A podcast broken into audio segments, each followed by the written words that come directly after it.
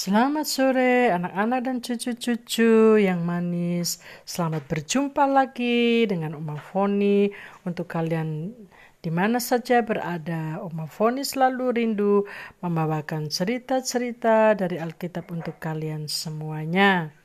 Dan Oma harap kalian sehat-sehat selalu ya. Baik sebelum mendengarkan cerita dari Alkitab ya. Uh, sama-sama Oma masuk di dalam doa. Bapa di surga, Engkau sungguh baik dan sangat mengasihi kami semua, terutama anak-anak serta cucu-cucu di mana saja mereka berada, serta para orang tua yang selalu setia mendampingi dan kiranya Tuhan selalu memberi kekuatan dan kesehatan selalu firman Tuhan yang selalu menyatakan kasihnya dan pemeliharaannya. Terima kasih Tuhan Yesus untuk waktu ini. Amin. Ya. Sekarang Om akan melanjutkan ceritanya ya. Uh, dengan judul Nyanyian Deborah. Ya. Seru sekali ya anak-anak dan cucu melihat umat Israel selalu memperoleh kemenangan. Sebab Tuhan selalu di pihak mereka ya khususnya orang Israel itu. Nyanyian Deborah ini mengisahkan kemenangan-kemenangan umat Israel. Banyak sekali yang ia kidungkan atas pertolongan dan pembelaan Tuhan. Kali ini Tuhan memakai dua orang wanita atau dua tokoh wanita yang pandai, cerdik, serta berani ya. Deborah ini disebut sebagai ibu Israel.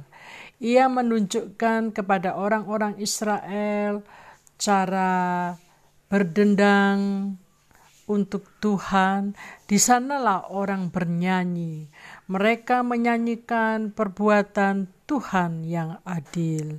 Perbuatan Tuhan yang adil bagi orang-orang di pedusunan Israel. Deborah mengajak orang Israel untuk bersuka cita uh, dengan peristiwa-peristiwa yang nyata seperti uh, pemimpin suku Isakar menyertai Deborah, lalu kaum Naftali menyertai Barak, suku Ruben tinggal di antara kandang-kandang sambil mendengarkan seruling pemanggil kawanan. Suku Gilead tinggal di seberang Yordan. Suku Dan mereka tinggal dekat kapal-kapal.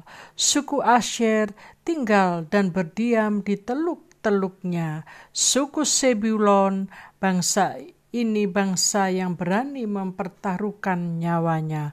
Suku Naftali berdiam di tempat yang tinggi-tinggi, yang di bukit-bukit dan di padang. Sungai Kison terkenal dengan menghanyutkan banyak musuh. Nyanyian yang membangunkan jiwa supaya memiliki tenaga yang tetap kuat. Dan masih banyak kisah nyanyian Deborah ya, anak-anak dan cucu-cucu. Ini kalian bisa membacanya dari kitab Hakim-Hakim pasal 5 ayat 1 sampai 23 ya. Nanti kalian uh, ada waktu, kalian sempatkan waktu kalian untuk membaca firman Tuhan ya. Lalu uh, sedangkan Yael atau ibu Yael ya, ia melebihi perempuan-perempuan lain yang di dalam perkemahan atau kemah lawannya yang kuat, uh, tangguh, dan yang tak terkalahkan itu meminta air minum darinya, tetapi susu yang diberinya dengan cawan yang sangat indah. Kisah ini membuat uh, lawannya tak berdaya. Merasa aman tanpa curiga akan suguhan Yael, sehingga membuat pulas dan nyenyak sekali tidurnya. Ya, lawannya dapat ditaklukkan.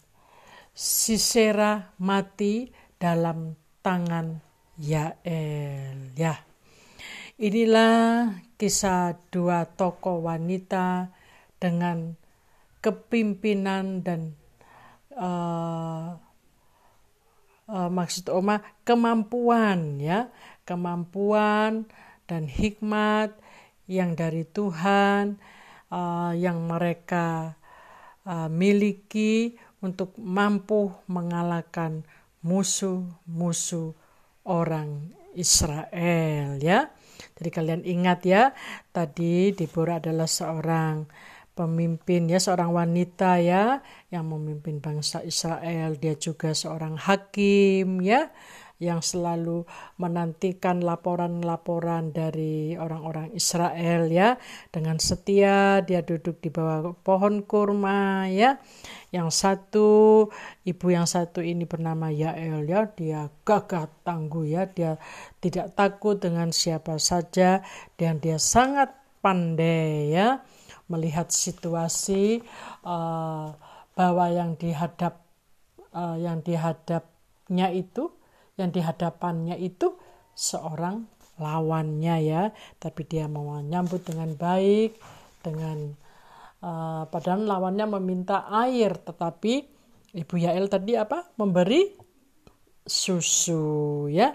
Ya uh, selama 40 tahun lamanya dan bagi orang-orang yang mengasihi Tuhan ya mereka bagaikan matahari terbit dalam kemegahannya ya.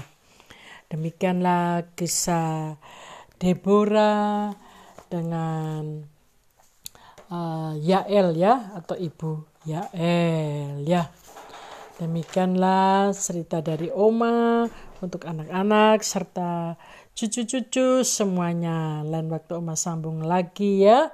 Tuhan Yesus memberkati kalian semuanya. Selamat belajar.